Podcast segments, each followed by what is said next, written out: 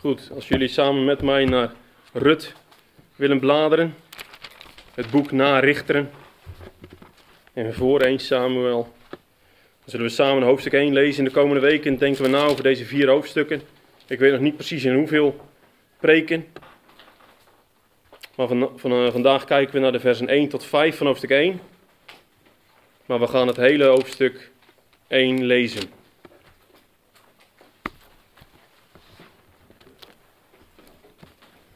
Rut, hoofdstuk 1.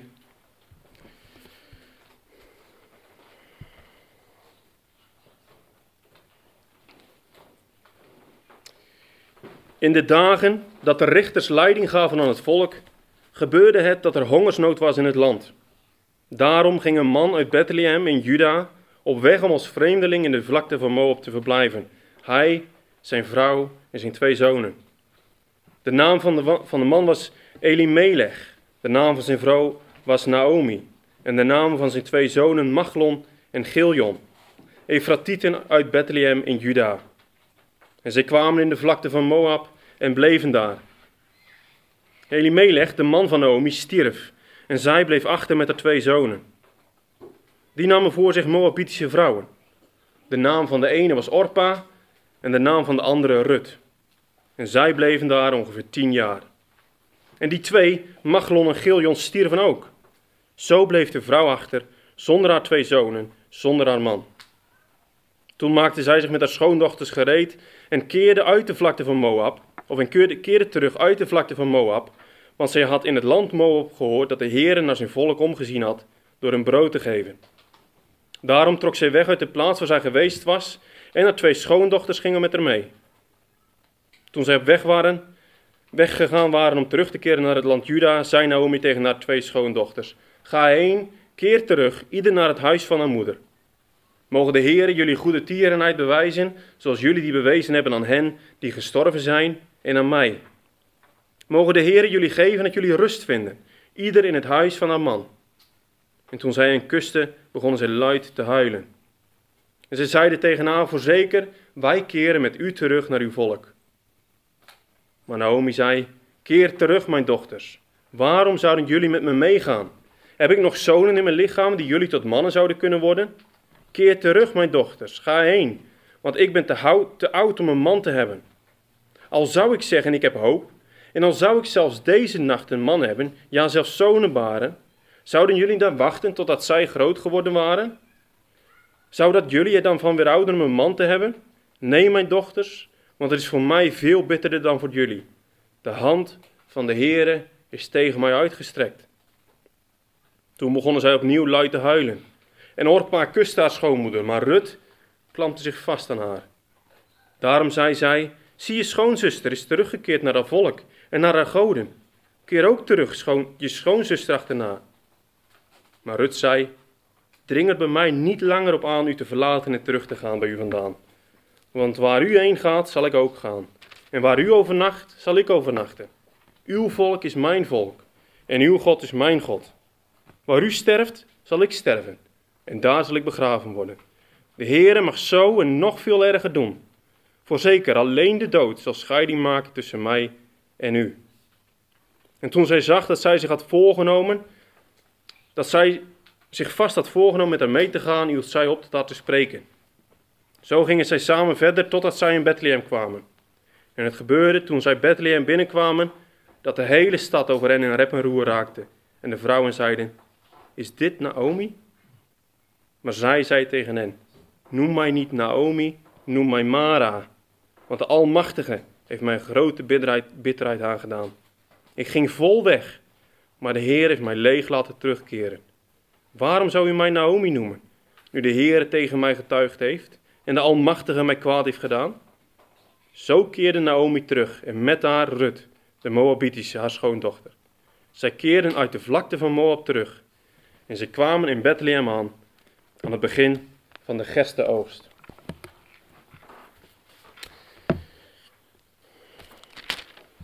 Goed, deze middag is de woordverkondiging misschien iets anders dan anders, omdat we de komende weken gaan kijken naar het boek Rut. En vanmiddag zal daar een introductie op zijn, dus er zal wat meer achtergrondinformatie gegeven worden, de structuur van de brief en het doel van de brief. En ik hoop dat we aan het einde kunnen zeggen, over drie kwartier of een uur, dat we kunnen zeggen en dat, dat we weten waarom Rut onderdeel is van de Bijbel, waarom Rut onderdeel is van Gods Woord. En waar ik jullie aan wil herinneren is wat er in 2 Timotheus 3 vers 16 staat. En er staat heel de schrift is door God ingegeven. En als we dan heel de schrift, dat is het Nieuwe Testament, Oude Testament, dus als we dat lezen, Rut is door God ingegeven. En is nuttig om daarmee te onderwijzen, te weerleggen, te verbeteren en op te voeden in de rechtvaardigheid. Met welk doel, zegt Paulus? Zodat de mens die God toebehoort, volmaakt zou zijn. Tot elk goed werk volkomen toegerust. Dus ook het boek Rut. Ook al lijkt het misschien heel onbelangrijk en heel, lijkt het een verhaal, toch is het woord van de Heer dat ook jou en mij tot volmaaktheid kan brengen. Goed. Wie denken jullie dat het boek Rut heeft geschreven? En toen ik die vraag aan iemand stelde, toen zei iemand Rut natuurlijk. Rut heeft het boek Rut geschreven. Maar goed, de schrijver wordt niet in deze brief genoemd of in dit boek genoemd. Er staat niet aan het begin, staat niet aan het einde. En de Joodse overleveringen die zeggen het is Samuel geweest. De profeet Samuel. Ongeveer 10, 10 voor Christus. Anderen zeggen het is de profeet Nathan geweest. De profeet Nathan die bij David kwam. Nadat David koning was geworden en dus David al geboren was. Maar kijk eens met me mee naar Rut 4 en het einde, vers 17. Daar lezen we deze woorden. En de buurvrouwen gaven hem een naam, dat is de zoon van Rut. En ze zeiden, bij Naomi is een zoon geboren. En ze gaven hem de naam Obed. Hij is de vader van Isaïe, de vader van David. Oftewel, de schrijver van dit boek schreef dit boek nadat David geboren was. En dan zullen we straks zien waarom dat belangrijk is. Een ander argument dat wordt aangehaald waarom het later is geschreven is als je kijkt in hoofdstuk 4 vers 7. Dan staat er, dan legt de schrijver legt een gewoonte uit. Hij zegt in hoofdstuk 4 vers 7, nu was het vroeger in Israël bij een lossing en bij de ruil de gewoonte om de hele zaak te bevestigen. Iemand trok zijn schoen uit en gaf die aan zijn naaste. En dit diende als bewijs in Israël. Oftewel, de schrijver die dit boek schrijft, die schrijft dit als het ware een hele periode later, want hij vond het nodig om dit gebruik, dat heel gewoon was, uit te leggen. En dan als laatste argument in vers 1 van hoofdstuk 1, de lazen we net in de dagen dat de richters leiding gaven aan het volk. En opnieuw zien we dat die schrijver als het ware de tijd van de richteren als een aparte afgesloten periode zag. Oftewel, hij schreef dus een stuk later. En het wordt ook wel genoemd de, um, de, de richterenperiode tot aan dat Saul koning werd, wordt de pre-monarchische periode genoemd. Oftewel pre voor en monarchisch koning voordat er een koning was. Dus die hele periode voordat er een koning was. En daarom denk ik dat het boek pas later is geschreven in de zevende eeuw. En dat zullen we straks zien waarom dat zo belangrijk is. Want er staat een profetie in Micha, in Micha 5. En daar keren we straks naar terug. En als we die profetie van Micha lezen, die rond diezelfde tijd is geschreven, dan werpt dat licht op het boek Rut. Goed, wat is dan precies het doel van het boek Rut? Wel, net zoals bijvoorbeeld het boek Richteren is geschreven in het licht van Jozua, zo is Rut geschreven in het licht van, van Richteren. Het is als het ware een brug. Je hebt de hele periode van Richteren en je hebt dan je hebt Rut en dan heb je 1 en 2 Samuel. En Rut is daar een, uh, een brug tussen. En um, ik denk dat dat, dat dat alleen schijnt licht op het doel van Rut. Want veel mensen die lezen dit boek als zijnde op zichzelf staand. En die vinden het een fantastisch verhaal van Naomi en van Rut en van, de, van Boas. En die zien daar een, dat is een heel mooi verhaal. En misschien kennen alle kinderen kennen het verhaal wel op school of thuis. Dat de Heer mensen gebruikt en dat de Heer soeverein is. En ja, dat is een van de grootste thema's. Maar de vraag is of dat het hoofddoel is van dit boek. En ik geloof dat als we straks ook hier doorheen gaan door dit boek, dat we zullen zien dat misschien David wel de belangrijkste persoon in dit boek is. En uiteindelijk de Heer Jezus. Want Rut gaat over hoe het mogelijk is dat David die de belangrijkste persoon zal worden van het Oude Testament, hoe David uit die zwarte tijd van de richteren, uit dat geestelijke moeras, hoe David daaruit geboren kon worden. En dat is het doel van Rut, de geboortelijn van David. En dat wordt gelijk al duidelijk aan het begin van dit boek. Want waar komen we, wie zien we? We zien aan het begin van het boek, binnen een paar versen, drie weduwen. En de vraag is dan, hoe zal dit geslacht voortgezet worden? En dat wordt helemaal duidelijk als verderop in hoofdstuk 1, als Naomi tegen haar dochter zegt, ga terug naar het huis van je moeder, ga terug naar Moab. Want ze zegt, ik zal geen zonen meer krijgen. De familielijn stopt hier. Het is over. De familielijn van Elimelech stopt. Maar dan moet je denken dat de mensen die in deze tijd leefden en die deze hele bijbelse achtergrondinformatie hadden, dat die bepaalde informatie hadden. En wat was dat? Nou, daar gaan we zo naar kijken. Als we voor Rut 1 zit Richter in 21 en als we dan naar vers 25 kijken, dus Richter in 1, 21 vers 25, dan sluit Richter af.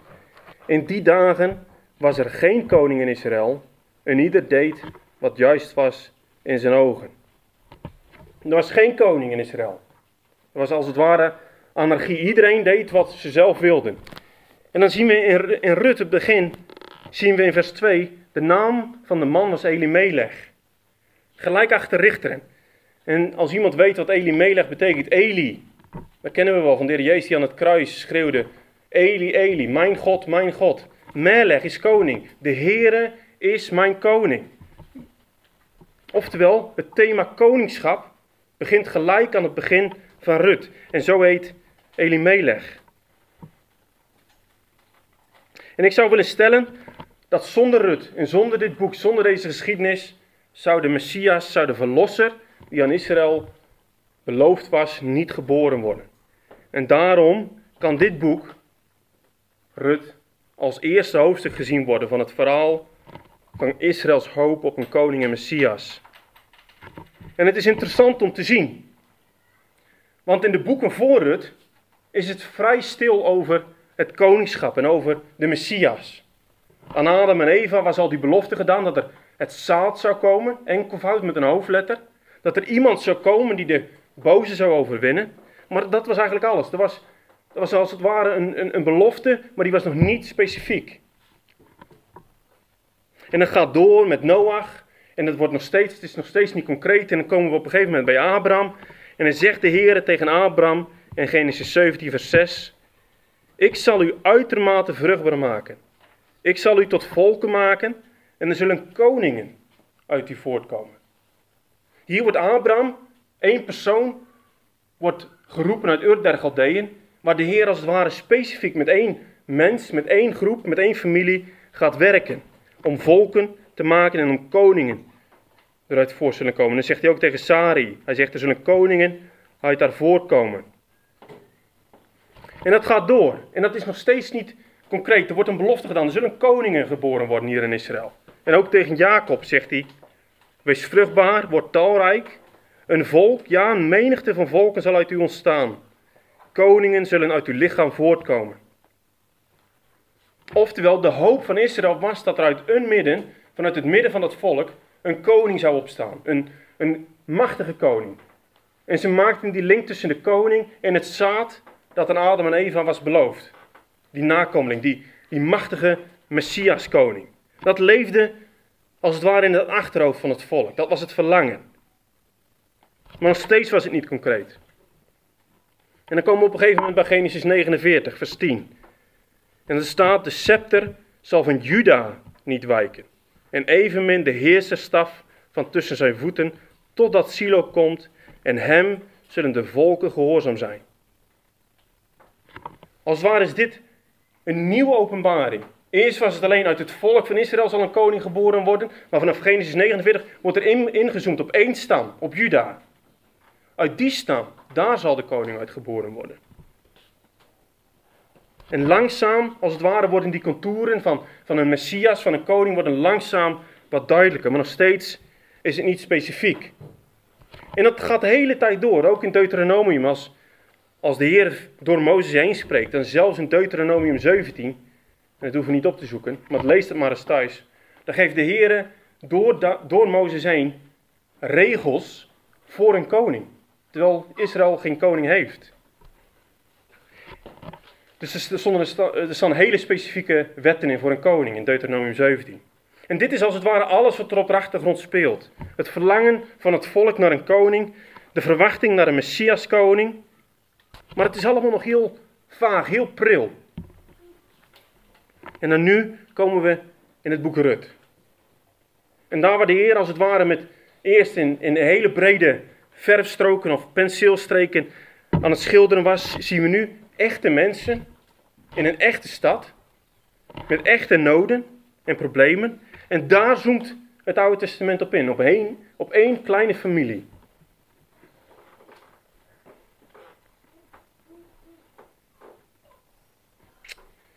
En Rut kunnen we daarom zien als hoofdstuk 1, wat ik al zei, van Israëls koninklijke en messiaanse geschiedenis.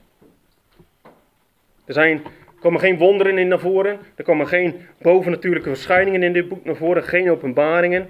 Maar we zien hier hoe de Heer als het ware alles medewerkt om dat ene zaad, dat de grote zoon van David zal blijken te zijn, Matthäus 1 vers 1.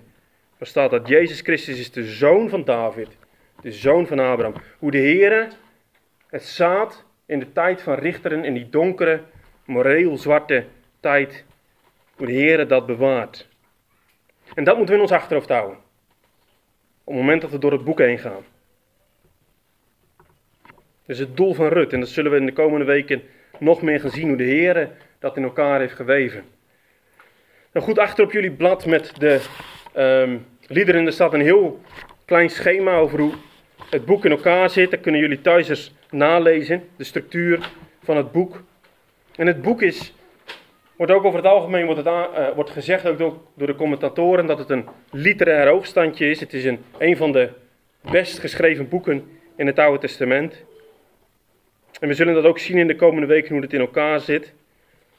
We gaan dus door het, door het boek heen, door die vier hoofdstukken, maar af en toe zullen we een uitstapje maken naar bepaalde thema's. Bijvoorbeeld het thema verlosser en losser, wat een thema is wat herhaaldelijk door Rut heen gaat. We zullen ook uh, de goede tierenheid van de Heer, de geset van de Heer, zullen we zien. Daar zullen we een apart uitstap van maken. En zo zullen we de komende weken uh, door Rut heen gaan. Maar vanmiddag kijken we nog kort met elkaar naar de eerste vijf versen en laten we die samen nog eens lezen. Dus Rut 1, de eerste vijf versen. In de dagen dat de richters leiding gaven aan het volk, gebeurde het dat er hongersnood was in het land. Daarom ging een man uit Bethlehem in Juda op weg om als vreemdeling in de vlakten van Moab te verblijven. Hij, zijn vrouw en zijn twee zonen. De naam van de man was Elimelech, de naam van zijn vrouw Naomi en de namen van zijn twee zonen Machlon en Giljon, Efratieten uit Bethlehem in Juda. En zij kwamen in de vlakte van Moab en bleven daar. Elimelech, de man van Naomi, stierf en ze bleef achter met haar twee zonen. Die namen voor zich Moabitische vrouwen. De naam van de ene was Orpa, de andere was Rut. En ze bleven daar ongeveer tien jaar. En die twee, Machlon en Giljon, stierven ook. Zo bleef de vrouw achter zonder haar twee zonen en zonder haar man. In de dagen dat de richters leiding gaven aan het volk, was een donkere tijd. Waarschijnlijk een periode van een 180 tot 250 jaar, die zich uitstrekte vanaf de, het sterven van Jozua tot aan het moment dat Saul werd gezalfd als koning. Dat wordt gezien als de tijd van de richteren. Dat was een paar honderd jaar. En de Heer die gaf in die tijd herhaaldelijk een richter. En niet zozeer om de mensen te onderwijzen, maar meer om de mensen te bevrijden van al de vijanden. Zo staat er bijvoorbeeld in Richter in 2. De Heere deed richters opstaan die hen verlosten uit de hand van hen die hen plunderden. Het was een tijd van politieke, sociale en geestelijke onrust. Het was een tijd van geestelijk verval. En we zien als het ware door het boek Richter, als we dat lezen, dan zien we als het ware die zwarte draaikolk ontstaan. Dat, dat het volk in een, in, een, in een draaikolk naar beneden gezogen wordt. Er zijn richteren en dan staat er, dat ging het een tijdje goed, maar zodra diegene overleed, ging het volk achter de afgoden aan en ging van de Heer af. En dat is het boek Richter en dat is de achtergrond van Rut. Het laat een neerwaartse spiraal zien, een draaikolk waarin het volk wordt meegezogen. En wat ik al zei in Richter in 17 staat een kernvers in richting Richter in 21. In die dagen was er geen koning in Israël en ieder deed wat goed was in zijn eigen ogen. En ik denk dat we dat op twee manieren kunnen lezen. Er was geen fysieke koning in Israël. Er was niet één iemand die de leiding had over het land. Maar het gaat dieper. Want de Heer had gezegd tegen het volk Israël: Ik ben jullie koning. Maar in Richter staat: Er was geen koning in die dagen in Israël. Oftewel, het volk zag de Heer niet als een koning. En wat gingen ze doen? Ze keken naar de volkeren om hen heen en ze zagen die afgoden en ze gingen de goden achterna. En dan staat er op een gegeven moment die profetie van Jezaja. En die zegt, zelfs de, de andere volken die al die andere goden hebben, die lopen niet weg bij hun goden. Die houden vast aan hun goden. Zelfs de mensen die afgoden heren, die blijven de afgoden heren. Maar jullie, jullie dienen de waarachtige, de enige God. En jullie gaan keer op keer op keer hoereren jullie met andere goden. En zegt de Heer, wat een volk zijn jullie, hardnekkig en niet berouwvol. En in die zwarte geschiedenis, waar geen leiding was, waar geen koning was, waar geen zicht was op verlossing, daar speelt Rut. En als het ware zien we op het moment dat we deze bladzijden openen, dat de wolken als het ware tijdelijk voor de zon wegschuiven en er een paar zonnestralen op het volk vallen. En toen ik een preekje van luisterde van Leander Jansen, toen zegt hij van de geschiedenis van Israël in Richter is een, zijn zwarte bladzijden, maar Rut is een gouden bladzijde tussen al die zwarte bladzijden. Bijna niet opgemerkt, maar toch aanwezig. En dan lezen we, er was een hongersnood in het land. En opnieuw, voor ons kan het klinken als zijn een mededeling. Er was een hongersnood in het land. En dat gebeurde wel vaker in die tijd, in het Midden-Oosten, waar het zo verschrikkelijk heet kon worden, waardoor de oogsten konden mislukken. Maar wat is nou de achtergrond van een hongersnood in het Oude Testament, als je dat leest in de, de boeken daarvoor? Wat betekende nou hongersnoden voor een verbondsvolk van de Heeren? En iemand die thuis is in het Oude Testament, die weet wat dit betekent. Want telkens wanneer het volk zich afwendt van de Heer, zei de Heer in Deuteronomium 28, op het moment dat jullie mij niet gehoorzaam zijn, op het moment dat jullie niet in mijn wegen wandelen, op het moment dat jullie mij niet volgen en doen wat kwaad is in mijn ogen, dan zal ik geven dat jullie vrouwen geen kinderen baren. Dan zal ik geven dat er ziektes komen. Dan zal ik geven dat het land geen opbrengst geeft. Oftewel, een hongersnood in het land, het beloofde land, was een teken van Gods oordeel. En wij kunnen al die rationele uitleggingen hebben waarom het weer niet meewerkt, maar Israël wist op het moment dat er geen oogst was, wanneer er plunderingen waren van andere landen, dat was het oordeel van de Heer over zijn volk. Maar wat is uiteindelijk het doel van zo'n oordeel? Wat is het doel van, ook van deze hongersnood? Is dat van de Heer om zijn volk als het ware alleen maar te straffen? Nou, de Heer zegt, hij straft zijn volk om zijn volk weer terug te laten keren. Hij straft zijn volk zodat ze tot inkeer zullen komen en zullen inzien dat de weg waarop ze gaan een foute weg is en dat ze tot inkeer komen. En ik moet zo denken aan de preek van vorige week, waar eigenlijk precies hetzelfde gebeurde. Het oordeel van de Heer is als het ware een middel om het volk op te roepen tot rouw, berouw en bekering. Om terug te keren naar de God van het verbond. Maar wat lezen we dan? Dat is achtergrond. Dan lezen we, daarom ging een man uit Bethlehem in Juda op weg om als vreemdeling in de vlakte van Moab te verblijven. Hij en zijn vrouw en zijn twee zonen. Er was hongersnood. Maar wat zien we niet gebeuren in Rut? We zien niet dat het volk als een geheel zich terugkeert naar de Heer om hem aan te roepen en om schuldbeleidnis te doen. We zien niet, we zien geen profeet, we zien geen richter. We zien niemand die het volk van de Heer weer terugleidt naar de Heer toe. En wat we zien is dat er een man uit Bethlehem op Juda, uit Juda wegging naar Moab. En letterlijk staat er, deze man, die zou tijdelijk als vreemdeling verblijven in de vlakte van Moab. Als het ware om onder het eh, oordeel van de Heer uit te komen. Om te vluchten voor het oordeel van de Heer. Om ergens anders zijn, heil te zoeken. En dan lezen we in vers 2. De naam van de man was Helimelech, de naam van zijn vrouw Naomi en de naam van zijn twee zonen Machlon en Giljon, Efratieten, uit Bethlehem in Juda. Bethlehem in Juda. En wie weet, kennen jullie de betekenis wel van het woord Bethlehem of Efrata? Dat betekent het huis van brood, het broodhuis.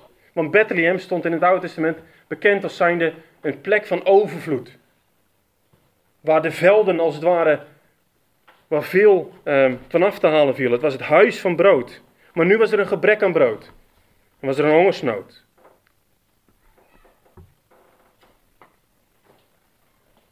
Een Bethlehem Efrata.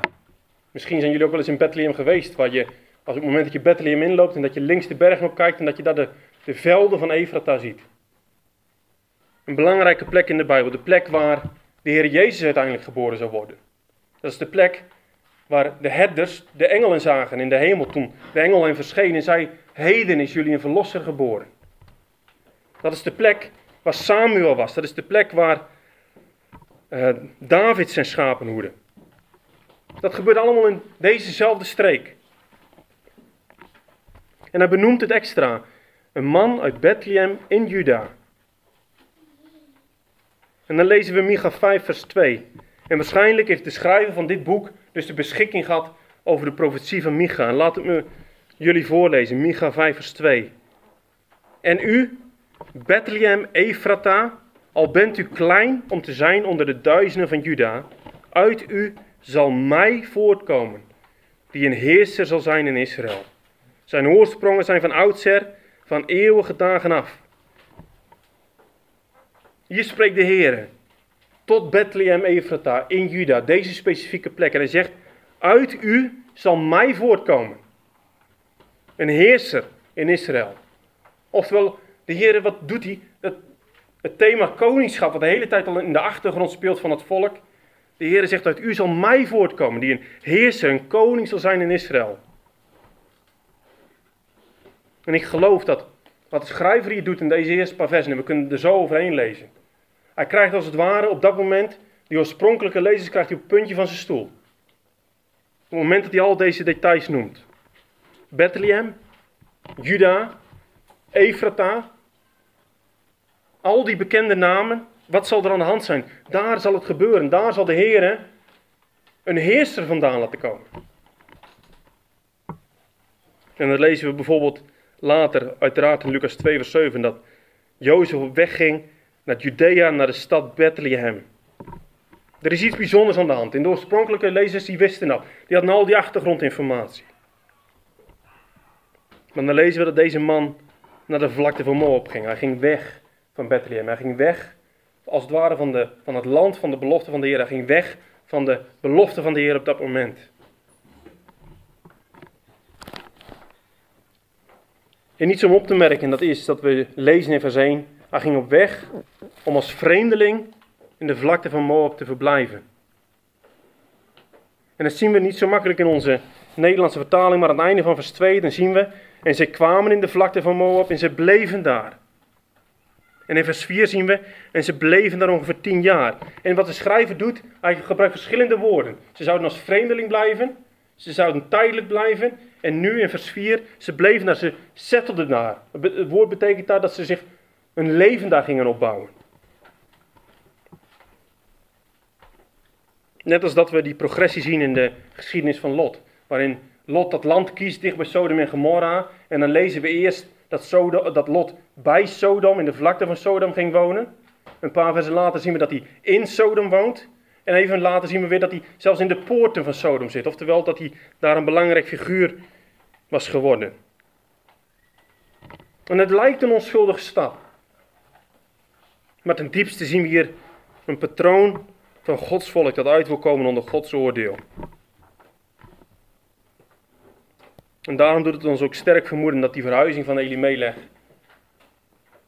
in die zin een stap was die niet in vertrouwen werd genomen op de Heer. Want nogmaals, wat zou volgens het Oude Testament de reactie moeten zijn op deze hongersnood? Van het volk, maar ook van deze man, van dit gezin. De reactie zou moeten zijn berouw en bekering. Iets wat nu niet gebeurt. En dan nog iets wat, ons, wat onze aandacht en onze verbazing zou moeten wekken. Dat is, waar is de Heer actief onder zijn volk? In het Oude Testament. De Heer had zich verbonden aan die specifieke plek, dat specifieke land. Daar had de Heer zijn zegen gegeven. Het beloofde land. Daar was hij. Onder zijn volk. Maar waar, wat doet Elimelech met zijn vrouw, met zijn kinderen? Hij trekt weg. En letterlijk in het Oude Testament betekent dat je van plek naar plek ging verhuizen, is dat je van God naar God verhuisde. Als je naar Moab verhuisde, verhuisde je en verbond je jezelf ook met de goden van Moab. Goed, dit schetst de achtergrond. En ze vertrekken naar Moab, een oude vijand van Israël. En als je de, de Dode Zee hebt, waar eh, Bethlehem ligt, dan moesten ze om heen trekken via Jericho. En aan de oostkust van de Dode Zee lag Moab. Vruchtbaar. En niet zo gek ver weg, maar toch zo ver weg dat daar blijkbaar wel voedsel was te vinden. Wat ons doet vermoeden, het was in dezelfde streek dat daar wel voedsel was en in Israël niet. Dat de Heer een oordeel over Juda had uitgesproken.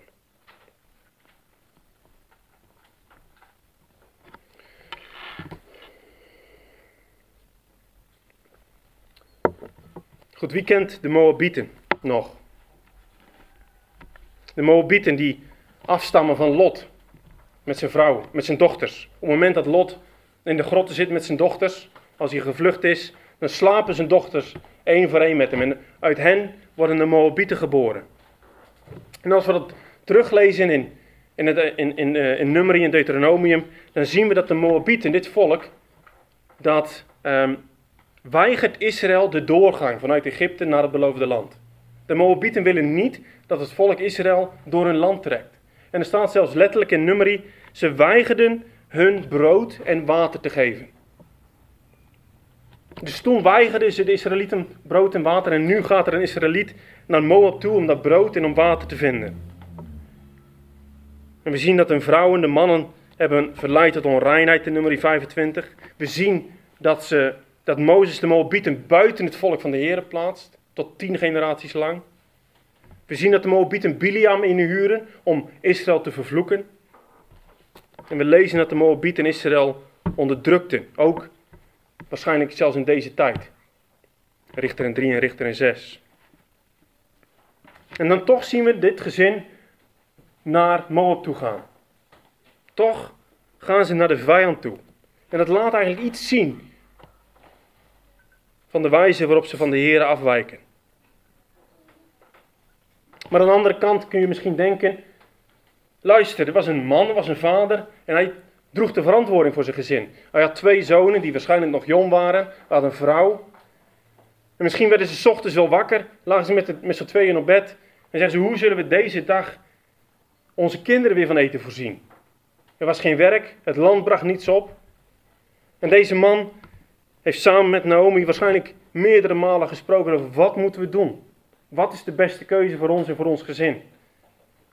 Totdat ze op dat moment eindelijk kozen om naar Moab te gaan verhuizen. Om voor zijn gezin te zorgen. Dan lezen we in vers 3. Elimelech, de man van Naomi, stierf en zij bleef achter met haar twee zonen. Staat er als het ware als een, als een mededeling. Maar achter deze woorden schuilt een ongekende tragedie van Naomi. Ze gingen op zoek naar rust en naar voedsel en naar vrede. En misschien wel om te ontkomen aan Gods oordeel. En dan sterft haar man. En ze blijft er alleen over met haar twee zonen. En we weten niet hoe lang het heeft geduurd sinds ze naar Moab zijn verhuisd, maar waarschijnlijk niet al te lang. En dan lezen we in vers 4, die namen zich, die twee zonen, namen zich Moabitische vrouwen, Orpa en Rut. En ze blijven daar ongeveer tien jaar. En dat versterkt ons vermoeden dat ze niet slechts tijdelijk in Moab gingen verblijven, maar dat ze zelfs huwelijksbanden met Moabieten aangingen. Dat ze zelfs zo vertrouwd waren geworden met families, dat die onderlinge huwelijksbanden werden aangegaan. En het werd ontmoedigd, dat werd niet specifiek verboden door Mozes om met Moabitische vrouwen te trouwen, maar het werd ontmoedigd omdat ze een andere god, de god Kamos, dienden. Goed, en dan, dan gaan we terug naar die achtergrondinformatie, naar die oorspronkelijke lezing, naar het volk van Israël. Hier zien we die man, Elimelech, een Efratiet uit de stam van Juda, uit Bethlehem. Met zijn familie, op weg naar Moab. En hij sterft. En dan heb je zijn twee zonen. Zal, zal deze familie, zal er nog nakomelingen komen? Zal er nog geslacht komen? Zal deze familie ooit nog van betekenis zijn? Ze wijken af van de Heer. Ze trouwen zelfs met afgodendienaars. Wat moet hier ooit van terechtkomen? En dan vers 5. En die twee, Machlon en Giljon, stierven ook. Zo bleef de vrouw achter, zonder haar twee zonen en zonder haar man. Ze hebben geen kinderen gekregen. In die tien jaar tijd hebben ze geen kinderen gekregen. En dat kunnen we zien omdat aan het einde van Rut, Rut 4, de staat. En de Heer gaf Rut dat zij zwanger werd in een zoonbaar. Het was als het ware Gods voorzienigheid dat Rut niet in die tijd dat ze getrouwd was met Machlon kinderen kreeg. En het doet ons denken aan Sarah en Abraham, die ook tien jaar moesten wachten op nageslacht. En dat Abraham dan op een gegeven moment Hagar als keuze neemt om zelf voor dat nageslacht te zorgen. Maar hier zegt de Heer als het ware, jullie kunnen dat geslacht zelf, jullie kunnen dat zaad zelf niet krijgen. En eigenlijk is de crisis nu compleet. De man is gestorven, de twee zonen zijn gestorven. Geen kinderen, geen nageslacht.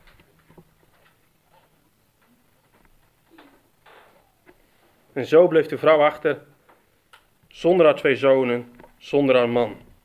Zonder hoop, zonder uitzicht, alleen in een vreemd, vijandig land. En hier stopt als het ware de familielijn. Hier gaat het kaasje uit, hier vervliegt de hoop, het licht gaat uit en het wordt donker. En de lezer of de hoorder destijds die zou denken: wat kan hier ooit nog uit ontstaan? Maar de mens gesproken is voorbij. Naomi is te hout. Ze kan geen kinderen meer krijgen. Elimelech had geen broers die de familie konden lossen. Ze woonden in Moab, in een vreemd en in een vijandig land. Naomi en de familie is leeg. En dat zegt ze ook in vers 21. Ze zegt: Ik ging vol weg, maar de Heer heeft mij leeg laten terugkeren. En dat is als het ware hoe het begin van Rut geschetst wordt. En we zien dat die, die oorspronkelijke hoorders wisten wat er aan de hand was. Dat er uit Juda, uit Bethlehem, uit Efrata, die heerser zou komen. Maar dan wordt als het ware nu, deze hoop die wordt volledig de grond ingeslagen. En de duisternis dringt zich weer op. Misschien was er een, een hoop dat dit het, het moment zou zijn waarop het zou veranderen, maar dan toch zal de duisternis overwinnen. Maar dan, de volgende keer zullen we kijken naar de versen 6 tot 22. Waar heel voorzichtig die zonnestraal door de wolken heen breekt. Lees vers 6. Toen maakte zij zich met haar schoondochters gereed, toen het alles gebeurd was, en keerde terug uit de vlakte van Moab. Want zij had in het land Moab gehoord dat de Heere naar zijn volk omgezien had door hem brood te geven. De Heere had zijn volk niet uit het oog verloren. De Heere was er nog steeds. Ook in deze situatie met Rut, met Naomi. Ook al lijkt alles wanhopig en donker, de Heer is erbij en volvoert zijn plan. Ook in de duistere tijden van onze levens en meer daarover de volgende keer. Goed, nogmaals, het is iets anders dan anders. Het is een introductie op het boek Rut. Waarom het is geschreven, wat de verwachting is van de mensen die dit boek hoorden oorspronkelijk. En wat we ook straks zullen zien, hoe de Heer dit heeft gebruikt om uiteindelijk bij de Heer Jezus uit te komen. Dus laten we samen eh, danken en ook bidden dat de komende weken ons zegen zullen zijn.